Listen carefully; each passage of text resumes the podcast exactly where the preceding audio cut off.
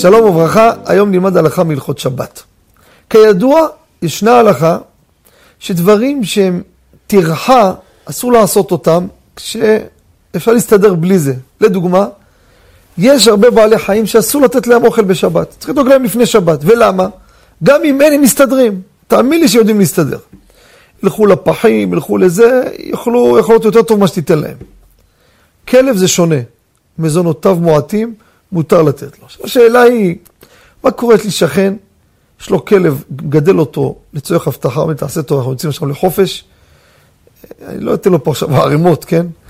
בשבת תיתן לו אוכל.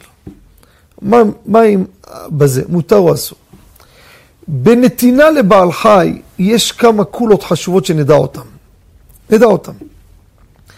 יש פוסקים שטוענים לתת ממש לבעל חי, פה מתחיל הסוגיה של הבעיה בשבת. אם אני שם את זה בריחוק ממנו, מה זה משנה אם אני זורק בפח או שם את זה פה, והוא יבוא, ייקח מפה, מה אכפת לך? מה, בגלל שיש פה כלב, אני פרינציפ אשים בפח? מה פתאום? לכן אם אני לא שם ממש לידו, שם בריחוק ממנו, זה היתר אחד. היתר נוסף, צער בעלי חיים. אם אין לו מה לאכול לכלב, אז צריך לדאוג לו. גם זה אחד הפוסקים כותב. ובדבר שכל מקרה אני הולך לזרוק, הולך לזרוק אותו. אבל זה שאני זרקתי פה או פה, זה עוד כולה. לכן הצירופים שאני אמרתי, אלו מקרים שבעצם נותנים פתרון לכל ההאכלה של בעלי חיים בשבת, לפי הכללים שאני אמרתי. ולכן במקרה כזה, אני אשים את זה אפילו ברחוק ממנו, ישים, ואין בזה בעיה, זה עצמו סיבה להתיר. בנוסף, הצער הזה שאם לא ייתן לו והוא יהיה רעב, מה יאכל מסכן?